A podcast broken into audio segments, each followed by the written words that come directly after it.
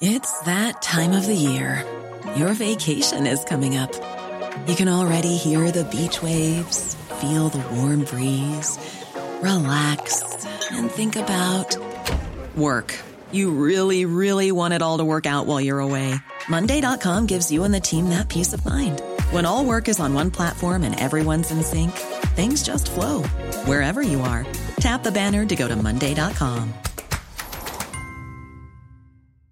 Many of us have those stubborn pounds that seem impossible to lose, no matter how good we eat or how hard we work out. My solution is PlushCare. PlushCare is a leading telehealth provider with doctors who are there for you day and night to partner with you in your weight loss journey. They can prescribe FDA-approved weight loss medications like Wagovi and Zepbound for those who qualify. Plus, they accept most insurance plans. To get started, visit plushcare.com slash weight loss. That's plushcare.com slash weight loss. Du lyssnar på Brobacke Podcast. Varje vecka kommer jag ge min marknadssyn med fokus på pris, sentiment och makro. Välkomna! Då var det dags för avsnitt 57 av Brobacke Podcast. Idag gästas jag av Erik Lundqvist. Han är kapitalförvaltningschef på Coeli. Vi pratar vitt och brett om marknaden. Vi reflekterar lite kring året som har gått och eh, framtidsutsikterna. Eh, mycket intressant avsnitt med Erik blev det. Lite kort kan jag nämna också, sen förra veckan, sen förra avsnittet, så har vi sett en aktiemarknad som stiger. S&P är väl upp lite drygt 6 och botten kom in ganska exakt där. Eh, där jag och Nikos spelade in. Vi har sett en dollar som sjunker eh, och eh, faktiskt börjar testa riktigt intressanta nivåer. Vi kan titta på eurodollar som testar sin nedåtgående trend för året. Vi kan titta på USD-SEK som har kommit ner och testar, eller faktiskt handlas under topparna från eh, 2020 covid. Eh, det vill säga när det var som värst där. Så det vi vill se nu för en fortsatt stark aktiemarknad och generellt ett starkt riskklimat är att dollarn fortsätter att falla och eh, lite nivåer, alltså breda penseldrag. Över 4100 på S&P 500 ses som ett, eh, ett styrketecken igen. Vi kan också notera att eh, bitcoin har studsat rejält från sitt tidigare topp från 2017 eh, och som nu tror jag för andra eller tredje gången har börjat agera stöd. Då. Så att eh, klart förbättrade datapunkter sen eh, sist ni lyssnade. Eh, vi kan inte göra helt att, att eh, den här nedgången är klar ännu, men det ser klart mycket bättre ut. Och kan vi få en fortsatt stark eh, aktiemarknad och fortsatt försvagad dollar så ser det bra ut helt enkelt. Men med det sagt, nu kickar avsnittet med Erik från Coeli igång. Välkomna! Sådär, då välkomnar jag Erik Lundqvist, förvaltningschef på Coeli till höstens andra avsnitt av Brobacke Podcast. Välkommen hit Erik. Tack så mycket, kul att vara här. Ja, men kul att se dig. Du, eh, vi hoppar rakt in på det roliga och spännande. Vi har ju en inflationssiffra som kommer ut idag, tisdag. Och jag gjorde ju såklart förarbetet och såg att du hade varit ute i DI och pratat lite kort här. Eh, intressant. Ska vi börja med inflationen? Eh, jag vet att det är en av de sakerna som du tittar på. Och vad, vad är din syn på inflationen och eh, ja, ge oss lite dina tankar där. Ja, men gärna det. Nej, men det stora temat är ju att inflationen divergerar i USA och Europa. Eh, att, eh, förhoppningsvis så får vi andra månaden i rad att inflationen faller i USA medan den väntas stiga i Europa och i Sverige som även får data under den här veckan. Eh, men det är klart, eh, tittar man på estimaten så är det, liksom, det är ganska stort spann. Förväntan ligger mellan 8,3 och 8,7 procent i, i inflation. Eh, och jag tror att Eh, vi ser ju de här tydliga att de här lättnader i produktionskedjor, lägre fraktpriser. Eh, vi har ju sett även i tidningarna idag om eh, eh pristrycket på sällanköpsvaror faller. Eh, samtidigt som vi vet att både hyror och löner fortfarande ökar. Man har ju också sett att marknaden har redan handlat på det här ganska rejält de senaste dagarna eh, i, det avseendet att man har eh, tryckt upp eh, aktier då, för man förväntar sig att, att inflation... Får vi en datapunkt till med, med fallande inflation eh, så börjar nog många slappna av att inflationen i USA verkligen är på väg eh, ner. Eh, vilket som sagt redan syns i prissättningen tycker jag under de senaste dagarna. Intressant att du säger det. Hy hyror och löner, det är där den stora liksom, inflationsdriven är just nu. Ja, men precis. Och löner är ju alltid någonting som laggar. Eh, löner brukar faktiskt stiga liksom långt in i en eventuell lågkonjunktur eh, innan de börjar falla tillbaka. Kombinationen då med, med väldigt hög sysselsättning i USA misstänker jag som driver på det. Ja, men jag tror att jag hela tiden försöker Eh, få ut mitt budskap är ju det att det här är ju en väldigt lång process i det avseendet att de här obalanserna som skapades under pandemin som förvärrades av kriget eh, tar tid att få ut i systemet. För att vi alla pratar ju som att vi är i, redan är i lågkonjunktur, men det faktum är att vi är fortfarande i högkonjunktur, men vi oroar oss för något som kanske komma skall under nästa år. Om jag går över på liksom prisdatan så är ju en, en relation som alltid är viktig för mig att titta på eh, när det gäller just inflation. Det är ju tips mot IEFs, alltså inflationsskyddade bonds mot 7 och 10-åriga treasury bonds. Och det där ledde egentligen hela, hela det här eh, racet med eh, liksom tillgångar som gynnas av stigande räntor och framförallt energi. Eh, vi såg det redan innan, eh, innan, långt innan kriget bröt ut egentligen, att den där började bryta upp över viktiga nivåer. Eh, även här i maj när den relationen gjorde en topp så var det en, något som ledde faktiskt att, att eh, inflationen började toppa och vi såg en, en bra sommarbörs för, för eh, aktier som, som missgynnas av stigande räntor, tech och så vidare. Nu står den relationen faktiskt eh, på den lägsta nivån sedan februari 2022, det vill säga innan kriget. Så min syn eh, det är att räntemarknaden prisar in den lägsta inflationen sedan februari 2022, eller förväntningarna. Eh, nu blir det ju väldigt intressant att se hur den där relationen rör sig efter de här siffrorna kommer ut. Blir det en överraskning och så vidare. Men jag skulle säga att om vi faktiskt tar ut den nivån på nedsidan som har varit så signifikant, 1,10, då är liksom inflationsracet för mig eh, för den här gången liksom över. Sen kan det komma liksom nya, nya race i, i inflationsförväntningar och så vidare. Men, men, det blir nyckelnivån. På samma sätt, skulle den studsa kraftigt här, ja, men då är det nog fortsatt inflationstrade som gäller. Eh, det som talar emot att eh, vi faktiskt eh, har sett en toppinflation en dag, det är väl framför allt när jag tittar på energiaktier. XLE är ett bra kontrakt att titta på där om man vill, vill eh, liksom ha, ha en bred vy kring energi, brun energiaktier. Du kan även titta på agriculturals, alltså DBA, ETFen. Eh, någon syn där. Räntemarknaden ser ut att prisa inflationen till eh, lägsta sedan februari 2022. Samtidigt ser vi inflationsdrivna eh, kontrakt som XLE och DBA faktiskt eh, börja försvara den här senaste nedgången sedan i maj och börja trenda uppåt igen. Jag ska börja med att korrigera mig själv. 8,5% var ju förra månaden när det sjönk ner från 9,1 månaden innan och nu är konsensus 8,1% Snyggt. Ja, och jag tror att eh, jag delar din syn eh, att mycket av framtiden kan läsas ur energimarknaderna. För att det som har hänt eh, under de senaste ja, veckorna i princip, eller egentligen som under sommaren, är ju det här att eh, tidigare oroade man både för, för ökad inflation och ökade räntor, men även den här konjunkturoron. Och det som har hänt eh, under de senaste veckorna är att långräntan har fortsatt att stiga samtidigt som, som börsen har stigit eh, under september. Så det, och det finns fler, också andra flera tecken på att marknaden oroar sig allt mindre för, för lågkonjunktur och att hela den här nedgången vi har sett eh, innan eh, eller under augusti var ju helt enkelt räntestyrd. Så att, eh, jag tror som du att inflationen ska ner och jag tror också att vi har nått toppen. Det som skulle kunna sätta lite krok på för en fortsatt uppgång på aktiemarknaden lite längre fram, det är ju det att ifall verkligen konjunkturoron fortsätter att minska, att man kanske kan få att oljepriserna börjar stiga igen och då har vi redan sett lite grann under de senaste dagarna. Spännande. Du, eh, utöver inflationen så pratade du också om ett par eh, liksom, ämnen eller eh, saker som du ville se för att börsen ska vända upp.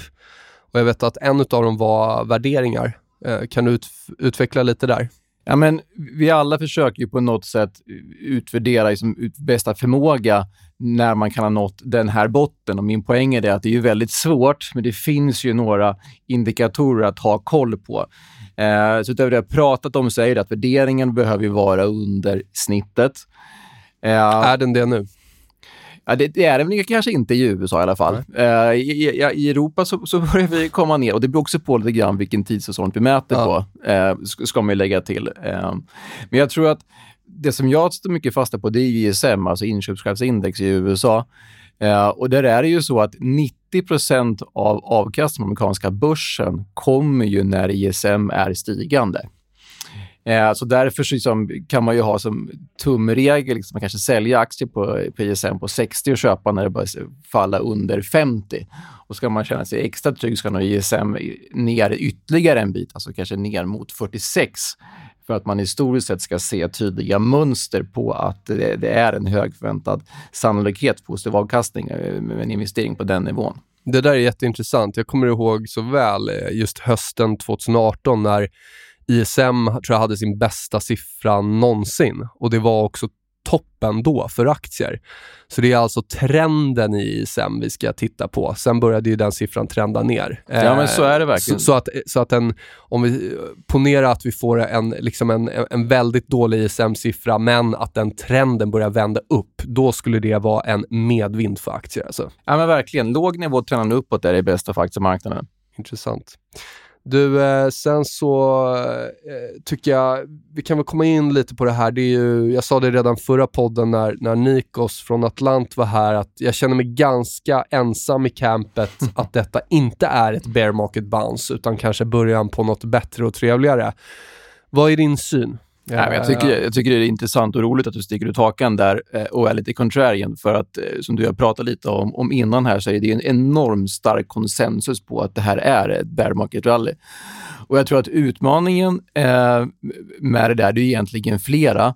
Eh, för det första så är det ju så att aktiemarknaden brukar ju vända två, tre kvartal eh, innan bolagens vinster bottnar. Det brukar eh, vända en till två kvartal innan inköpschefsindex eh, bottnar och sådär.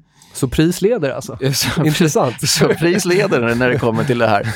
Och sen tror jag också att utmaningen är den att, eh, du pratade tidigare i dina avsnitt, så här att är det här en 2008 eller är det en, två, ja, liksom en, kort, någon, en kortare rörelse? Och det är rätt avgörande, för tittar man på de här längre nedgångarna, 08 eller 00, så har vi sett ofta en tre, fyra rejäla bear market rallys innan eh, det verkligen vänder upp. Så problemen är ju ofta det att det är väldigt samma egenskap på ett bear market rally som det är på den riktiga vändningen. Så oftast vet man ju ärligt talat för sig där efteråt. Allt, alltid är det så. Det, det är alltid lätt att kolla i backspegeln, så är det. Så, men något jag har noterat, eh, det är att om, om, om global risk, om vi brett säger att det toppade redan februari 2021, det var då de riskigaste sakerna toppade ur. Sen dess har vi haft liksom 50% av aktierna på Nasdaq är ner mer än 50 eh, det, det, det, är inget snack om saken. Det har varit en extremt negativ trend. Eh, även om det har känts som en riktig liksom, eh, berg och dalbana här eh, på slutet, om vi tar från maj tills nu då. Eh, det har varit väldigt volatilt. Så kan man ändå konstatera att om man tittar på, jag gör en lista på aktier med 52-väggars lägsta eh, som en, en, en, viktig statistisk eh, indikation. Den bottnade faktiskt för tre månader sedan. Tar vi en annan så här, eh, teknisk indikator som eh, kanske inte är eh, något jag använder för att, att tajma, men det är ändå någonting som jag använder för att mäta temperaturen. Lite som, är det, är det regnigt ute eller är det soligt? Och det är RSI, eh, inställt på kanske den mest vanliga eh, perioden 14. Och tar vi S&P trots de här kraftiga nedgångarna som har skett nu så blev faktiskt RSI aldrig översåld. Och ska vi ha en definierat nedåttrend då ska RSI gå ner på översåld. Eh, ett vanligt missförstånd kanske är att, att man ska köpa på översålt och, och, och, och, och sälja på överköp. Men i de långa trenderna, då tenderar RSI att gå översålt väldigt länge på negativa trender och överköpt eh, och aldrig lyckas komma ner på översålt. Då. Så att, eh, och så på du har det här med sentimentet. Det är fortfarande väldigt negativt. Vi har retail, vi har institutioner. Eh, retail kanske eh, förvisso äger lite mer aktier än vad jag skulle vilja se för att vi ska ha en långsiktig botten. Vi har inte riktigt sett den här urblåsningen i positioneringen. Eh, men man är fortfarande ner 25-30% sedan början av året, många. Eh, sen har vi, ta hedgefonder till exempel, som har en rekordlåg allokering mot aktier. Och vi har också eh, CTA som faktiskt gick kort här i början av september, som har fått äta några procent emot sig nu. Har du, no, nu var det mycket där, men har du några reflektioner, någonting du vill komma in med? Nej, men jag tycker det är väldigt spännande, eh, väldigt mycket som du säger. Och jag är nog lite i ditt kamp, eh, men jag tror att det viktigaste för mig, det är nog inflationen. Eh, eftersom att om vi, om vi får rätt nu, eh, vi båda här, att inflationen verkligen faller tillbaka i USA, så innebär det ju två saker. Det första är att diskonteringsräntan på aktier faller, Eh, alltså det är ett stöd för värderingarna. Och det andra är ju det att konjunkturnedgången behöver inte bli lika stark, så alltså behöver inte EPSen påverkas lika mycket. Och tyvärr är det motsatsen nu så att inflationen verkar sig mer ihållig. Att räntan kommer att hållas ännu högre under en längre period, vilket är negativt för diskonteringsräntan, negativt för värderingarna och kommer påverka EPSen mer negativt. Då. Eh, så att jag är nog där att eh, du kan mycket väl ha rätt. Jag tror att vi kanske kommer ha en period till med rätt volatil eh, börs innan man kanske får den här uppgången som du pratar om. Eh, annan statistik som är intressant är att hur länge brukar en, låg, eh, en bear market vara och eh, hur djup brukar den vara? Och då är det ju så att den har varit liksom, medianen är 24 procent och medlet är 30 procent eh, i USA. Så man kan väl säga att man har varit där ungefär. Då. Men tittar man på tiden så är det här betydligt kortare. Eh, vi, vi pikade ju på S&P här första handelsdagen i år. Eh, och sen dess har det varit mer eller mindre neråt. Då, då. Eh, och tittar man på en genomsnittlig bear market så har den varit ungefär två år. Eh, sen andra världskriget går man tillbaka ännu längre så har det varit eh, nä nästan fyra år. Då, då, så det går snabbare och snabbare hela mm. tiden. Uh, så att uh, jag, håller nog liksom, uh, benägen att hålla med dig, men jag kanske tror att det kanske tar lite längre tid innan vi är där. Alltså, det, det, är alltid, och det spelar in lite på, vi pratar om, du pratar om högre räntor och så vidare som blir, blir någon typ av våtfilt. Eh, jag plockade fram den här statistiken faktiskt häromdagen. Eh, kombinationen räntor upp och aktier ner är faktiskt ganska ovanlig, eller väldigt ovanlig. 11% av tiden, om jag tittar sedan 1980, så har så varit fallet. Nu ska sägas att de 11 procenten, då har aktier haft väldigt svårt att bottna. Eh, jag vet att du, du, eh, du har nog en, en, en, liksom en, en makroförklaring mm. varför. För mig, som försöker dumma ner allting och göra det så enkelt som möjligt, så är kryptoniten vi kan inte ha stigande räntor och stigande dollar samtidigt. Det kommer inte aktier vända på. Men eh, däremot så kan vi ha perioder där räntor stiger och aktier går bra. Vi kan nämna 2004-2007 och vi kan backa tillbaka och ta andra perioder också. Men jag, jag väljer att stoppa där. Ha, har du någon, liksom, vad är makroförklaringen till att det ändå är ovanligt att aktier sjunker en längre tid när räntor stiger. Nej, men jag, jag håller med. Den här dynamiken är väldigt spännande. Pris versus fundamenta. Och liksom, det, för mig finns det en väldigt enkel förklaring på det där historiska sambandet. Och det är att traditionellt sett så höjer centralbankerna räntan när konjunkturen är väldigt stark, vilket gör att man ligger ofta lite efter, vilket innebär att man eh, kan höja räntan och konjunkturen är fortfarande stark. Bolagen fortsätter öka vinsterna, vilket gör att börsen stiger när räntorna stiger. Sen så blir det så att när centralbanken har kommit så långt i sin räntehöjningscykel att man har passerat neutral ränta, vad det nu kan vara, då, så helt enkelt det blir åtstramande när konjunkturen vänder, eh, då, då reviseras ju det där eh, sambandet. Eh, så att för mig så är ju eh, räntan och, och inflationen eh, viktigare än dollarn. För mig är det så att dollarn eh, stiger när det är oroliga tider. Mm. Samtidigt måste jag hålla med om det eftersom att det finns otroligt mycket som prisas i, i dollar så kommer det där ha en stor effekt, inte minst såklart för, för råvaror. Så jag tycker det är spännande med positioneringen, mm. eh, för jag tror att den kommer ha liksom, en, en, stor effekt. Och Det vi har sett under årets första åtta och en halv månader är det att man har försökt den här buy the dip-mentaliteten som var så enormt starkt under uppgången och faktiskt även under början av året, tycker jag. Absolut. Den måste ju på något sätt dödas för att man ska kunna liksom, få en rejäl uppgång. Och jag är kanske inte helt säker på att man är där. Jag håller med dig, institutionella investerare, hedgefonden och så vidare. Ganska tunn positionering. Eh, men tittar jag på amerikanska ETF-flöden eh, som är kanske den bästa indikatorn för mig vart amerikansk retail-investerare är, så är det fortfarande så att de inflödena är ju högre än historiska snittet. Det är egentligen bara 2021 som trumfar det där. Gäller det både aktiesidan och obligationer eller är det framförallt aktier jag tittar Den på där? informationen jag följer är på aktiesidan och där ja. är det fortfarande riktigt starkt. Då. Och tittar man på fondbolagens förening i Sverige, så kanske inte riktigt lika bra indikator, men någon form av indikation, så är det ju så att fram till och med juli, jag har inte sett augustidatan, så är det mer eller mindre plus minus noll. Så ingen mm. har egentligen börjat sälja. Ryan Reynolds här från Mint Mobile. Med priset på nästan allt som går upp under inflationen, trodde vi att vi skulle bring våra priser down. So to help us, we brought in a reverse auctioneer, which is apparently a thing. Mint Mobile unlimited premium wireless. Ready to get 30, 30, bit to get 30, bit to get 20, 20, 20, bit to get 20, 20, bit to get 15, 15, 15, 15 just 15 bucks a month. So, Give it a try at mintmobile.com/switch. slash $45 up front for 3 months plus taxes and fees. Promo for new customers for limited time. Unlimited more than 40 gigabytes per month slows. Full terms at mintmobile.com. There's never been a faster or easier way to start your weight loss journey than with PlushCare PlushCare accepts most insurance plans and gives you online access to board-certified physicians who can prescribe FDA-approved weight loss medications like Wigovi and Zepbound for those who qualify. Take charge of your health and speak with a board-certified physician about a weight loss plan that's right for you. Get started today at plushcare.com slash weight loss. That's plushcare.com slash weight loss. plushcare.com slash weight loss. Ja, nej, det, det, det är någonting ändå att reflektera över att sentiment och positionering tenderar ju att följa varandra och vi har fått någon typ av disrepans sen covid. Eh, och jag kan inte förklara riktigt varför det är så, men tittar man på datan så har det där eh, gått isär och det borde gå ihop kan jag tycka. Så antingen ska då sentimentet bli bättre eh, och positioneringen vara kvar där den är, alternativt så ska folk sälja av ordentligt för att komma ner till där sentimentet är. Då. Men jag tror att det är så enkelt som att för första lågkonjunkturen någonsin så fick amerikanska hushåll mer i plånboken, inte mindre pengar. Och en hel del liksom letade sig till börsen.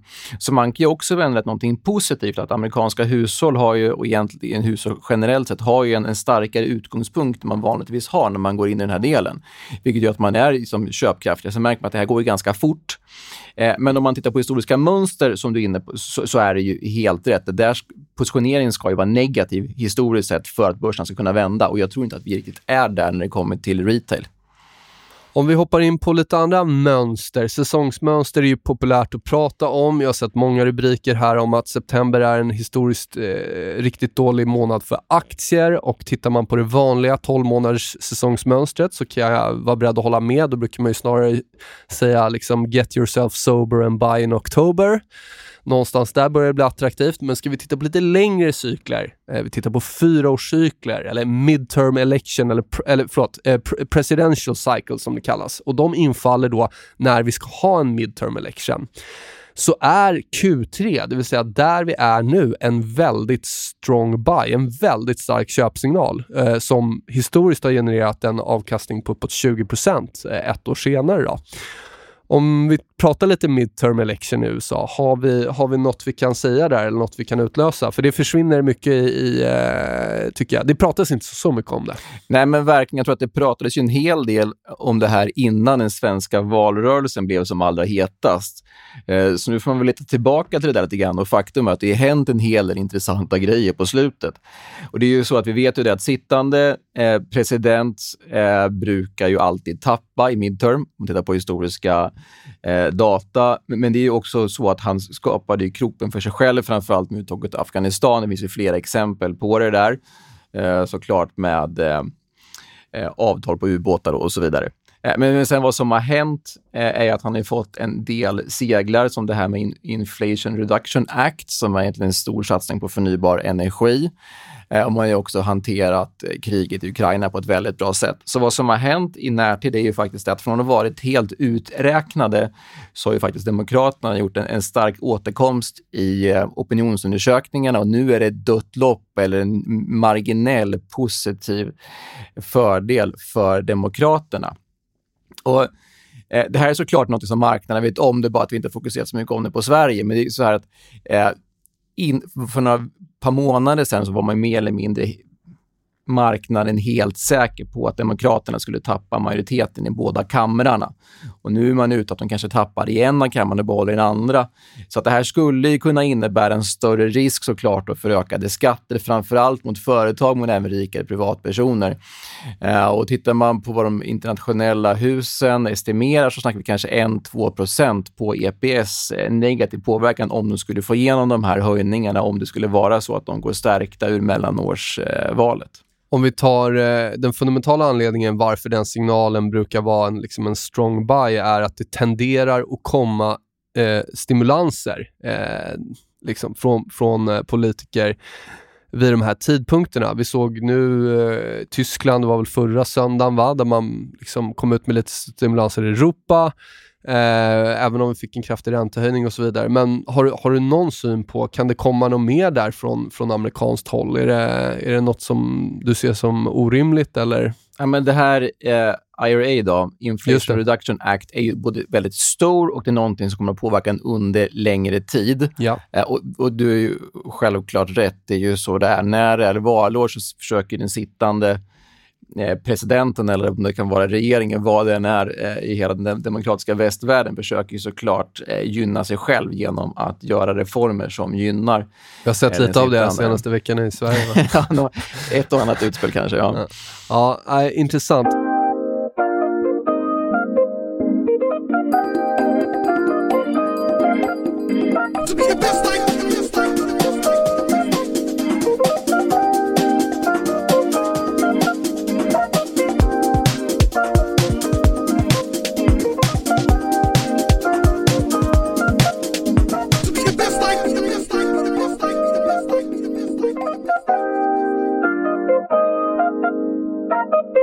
Något mer jag vill prata om, eh, jag vill, vi började inte med det, men jag tänker att vi ändå ska reflektera lite kring året som har gått. Eh, vad var dina förväntningar inför det här året och eh, kan du så här i backspegeln, för det vet vi ju alla, det är lättast att, att handla i backspegeln. Kan du liksom eh, ja, blicka tillbaka lite. Blev det som du tänkt dig och eh, om inte, varför? Och om det blev det, har det varit svårt att exekvera, eh, exekvera på? Hur reflekterar du hittills kring 2022? Men jag, jag tror att det har varit ett väldigt svårt år både för retail till professionella investerare. Det är ju väldigt få som har goda resultat om man inte har varit liksom, fullinvesterad i, i energi eller liknande. Även, även trendföljande hade ju en bra start eh, på året. Jag tror att många av oss pratade om de här eh, eventuella problemen i slutet av 2021. Men jag hör till en av de som blivit överrumplade liksom hur, eh, hur starka de blev. Eh, inflationen har stigit mer än väntat. Eh, centralbankerna som yrvaket eh, liksom startade alldeles för sent har ju också fått höja mycket mer än väntat och vi är väl faktiskt ärligt talat fortfarande i den processen att tittar man på marknadens förväntningar och alla stora aktörer så fortsätter de faktiskt att revidera upp förväntningarna på hur mycket centralbankerna kommer höja och nu även på senaste tiden hur länge man kommer vara uthållig med höga räntor. Så det, vi såg de tendenserna, men de är betydligt värre. Så jag har ju varit, jag har ju tyvärr kanske inte tagit så mycket position på det som man kanske hade önskat. Eh, och Coeli förvaltar ju eh, både aktier, räntor och hedgefonder och mitt ansvar utöver att jag, jag leder det där att jag förvaltar de breda mandaten. Och vi vet ju det att de breda mandaten som alltså investerar både i aktier och räntor, eh, blandfonder, strategifonder, vad det kan tänkas kallas, har ju haft de värsta åtta månaderna någonsin i modern tid. Och det är ju såklart eftersom att eh, i takten med att börsen har fallit för att värdet på obligationer har fallit, så man har inte haft skydd någonstans. Så det är de här historiska sambanden som tidigare har funkat så bra i en nedåtgående räntemiljö har liksom ställts verkligen på, på sitt huvud och det har gått väldigt, väldigt snabbt. Man har inte kunnat göra till någonstans. Och till det ska man ju tillägga, att där kanske har professionella investerare tappat mer. Eh, och såklart, vissa har ju tappat på att eh, hållit kvar för länge vid förra årets darlings, eller tidigare årens darlings. Eh, där kanske institutionella investerare klarar sig något bättre, för man kanske har en lite mer balanserad eh, portfölj när det kommer till storlek och stil. Eh, men även där tycker jag att man ser att institutionella investerare också har tappat om, men kanske inte riktigt lika mycket. Så den stora frågan är ju så att, okej, okay, men när kommer det börja fungera igen då? När kan man ha en balanserad portfölj? Man får någon form av skydd. Uh, och som sagt, vi är fortfarande i en, en period där ränte Eh, förväntningarna höjs, men min analys är att vi är i slutet på den där. Så snart börjar riskvården bli ganska bra. Men jag tror också liksom att den riktigt stora kicken som vi får på det där, när man kan tjäna pengar på att räntor faller, är nog sannolikt liksom när Fed tvingas att vända och bli mer mjuk. Eh, och där fanns det ju många förväntningar på att det kanske sker redan i november. Och marknadens förväntningar flyttas fram till början på nästa år. Så att där är ju väldigt spännande när man ska positionera sig eh, med, med mer duration i portföljen helt enkelt. Spännande.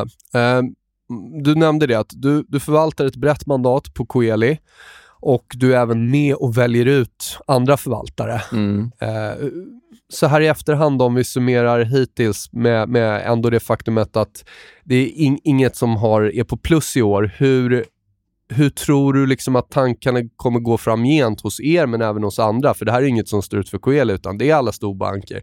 Det är alla försäkringsbolag eller andra wealth managers och, och mm, boutiquebanker. Jag, jag har nästan inte hittat egentligen någon strategi med breda allokeringsmandat som är på plus i år. Det, det, det står ut. Det är några få trendföljare och det är någon hedgefond och sådär. Men, men överlag kan vi säga att i princip hela professionella marknaden är minusår.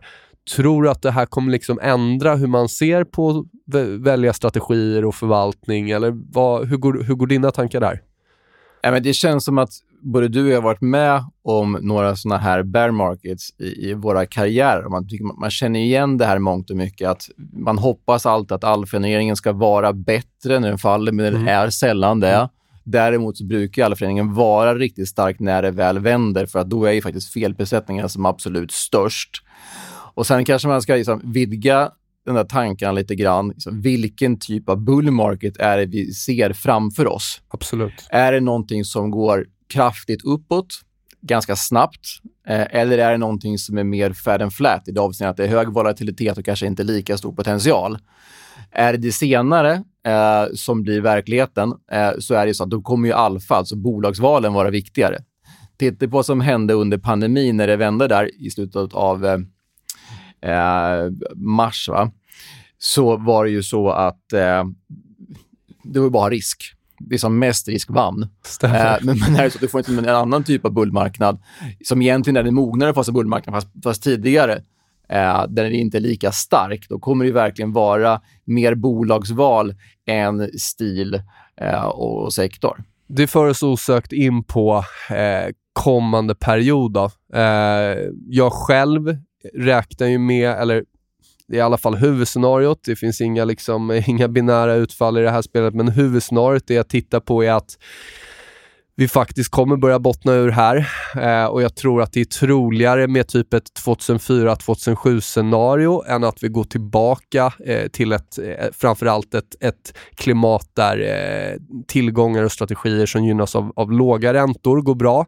Så kanske mer hur det såg ut 2004-2007, det vill säga att det var oljebolag som var störst och det var banker som var störst i 2007 efter den rundan. Det betyder inte att tech och tillväxt behöver krascha, men att det kommer relativt gå sämre än det andra. Eh, hur positionerar dig, ni, ni er nu och vad, vad, vad är dina liksom, utsikter framåt här? Ja, om jag börjar med, med utsikterna, eh, så tillväxten har ju överraskat positivt. Att den är mer motståndskraftig än vad många väntar sig, framförallt i USA, men faktiskt även i Europa. Vi får se hur det går med det här eh, framöver. Då. Så jag delar i din syn att eh, vi kommer få se högre räntor längre, eh, vilket då såklart skulle kunna gynna value och liksom, helt enkelt upp och nervänd värld mot vi hade innan, eh, innan det här började. Då.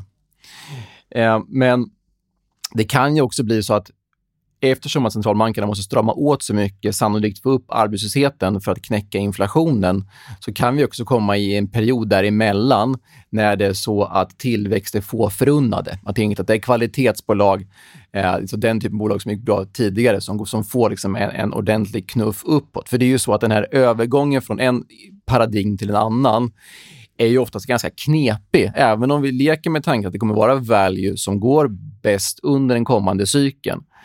Eh, så dör ju inte där ut så snabbt. Utan det kommer komma flera liksom, fake relativ performance-perioder eh, eh där helt enkelt, när det gamla fortfarande går bättre. Och jag ska vara förvånad om vi inte kommer få se det även den här gången.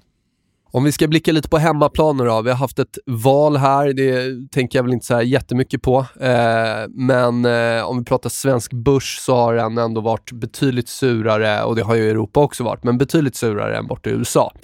Snarare har ju liksom varit nere och testat de tidigare bottennivåerna här vid 1900 som jag, för mig är liksom den stora linjen i sanden. Eh, men om vi ska prata lite Sverige, hur ser du på svenska aktiemarknaden? Är det något som våra lyssnare behöver eh, ta med sig, tycker du? Ja, men, alltså, vi bor i ett land som har en börs som har varit en av de absolut bästa historiskt, eh, vilket är en fantastisk start när man börjar investera. Sen så vet vi också att Stockholm, eller Sverige har ju varit en av de börser som har gått bäst även de senaste åren fram till det här fallet. Så jag menar, det har varit någon form av perfekt storm här eh, med att det har varit liksom, europeiska små bolag som är tillväxtbolag som har tagit mest stryk. Och där, liksom, det har vi ju väldigt mycket sånt i Sverige. Och där får vi göra en distinktion. Va? Det, är väl, det är väl framförallt kanske de lite mindre bolagen som har varit performat väldigt, väldigt bra eh, historiskt. Eh, breda OMX30 ja. har ju inte varit lika roligt kanske, eller, eller, inte, inte bäst i klassen så att säga. Nej, men helt enig. Men om vi har de här stora tillväxtdrakarna, FANG-bolagen i USA, så är det det som växer i Europa och Sverige, det är ju små tillväxtbolag. Så det är kanske de man ska likställa varandra. Mycket bra. Och det är väl där man investerar, tycker jag, ja. i, både i Europa och i Sverige. Eh, på KL och även privat så kanske man inte är, liksom, är så mycket i de här stora, för, för det är inte där det händer, nej, nej. Eh, helt enkelt. Och sen ska man lägga till det där att som svensk kan det ibland vara lite svårt att förstå, men det finns ett väldigt stark på, trend på marknaden att kronan alltid ska handlas med risksentimentet. Och så är det även den här gången. Jag tycker att fundamentalt kan det vara ganska svårt att förstå ibland eftersom att Sverige står sig starkt. Mm. Eh, men det är så marknaden handlar kronan och jag tror att det där kommer nog bevara under lång tid till, vilket gör att såklart har man gynnats av att vara investerad i, i utländska tillgångar.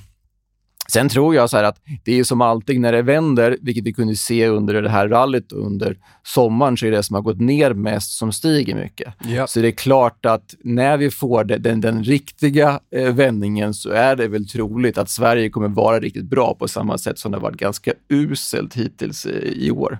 Har, du, finns det, har ni några favoriter i Sverige eller någonting som är sådär extra intressant ni, ni tycker som är värt att nämna? Alltså, jag arbetar inte med enskilda bolag. Det, det, är ju våra förvaltare som gör. Men när det kommer till stil eh, så är det ju väldigt mycket av de här mindre tillväxtbolagen som har blivit nedtryckta. Eh, men jag tror att uh, även ifall det vänder, man behöver fortfarande vara selektiv för att jag tror det kommer dröja ganska länge innan de här bolagen som inte tjänar pengar än så länge som kommer tillbaka. Och det är väl kanske inte ensamma mot trycker heller, har en känsla för.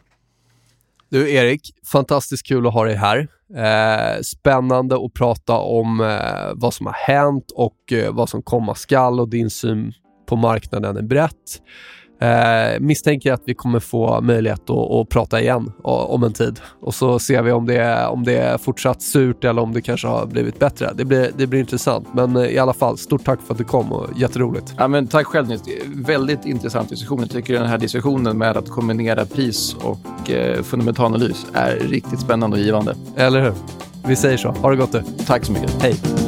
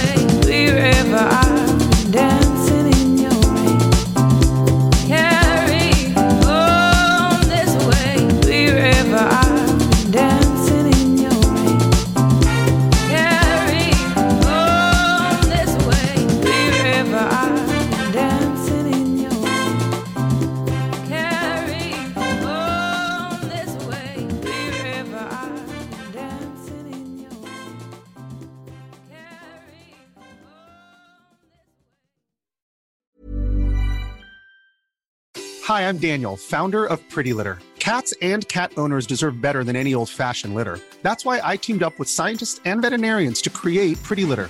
Its innovative crystal formula has superior odor control and weighs up to 80% less than clay litter. Pretty Litter even monitors health by changing colors to help detect early signs of potential illness. It's the world's smartest kitty litter. Go to prettylitter.com and use code ACAST for 20% off your first order and a free cat toy. Terms and conditions apply. See site for details. Ever catch yourself eating the same flavorless dinner three days in a row? Dreaming of something better? Well, HelloFresh is your guilt free dream come true, baby. It's me, Gigi Palmer. Let's wake up those taste buds with hot, juicy pecan crusted chicken or garlic butter shrimp scampi. Mm. Hello Fresh. Stop dreaming of all the delicious possibilities and dig in at HelloFresh.com. Let's get this dinner party started.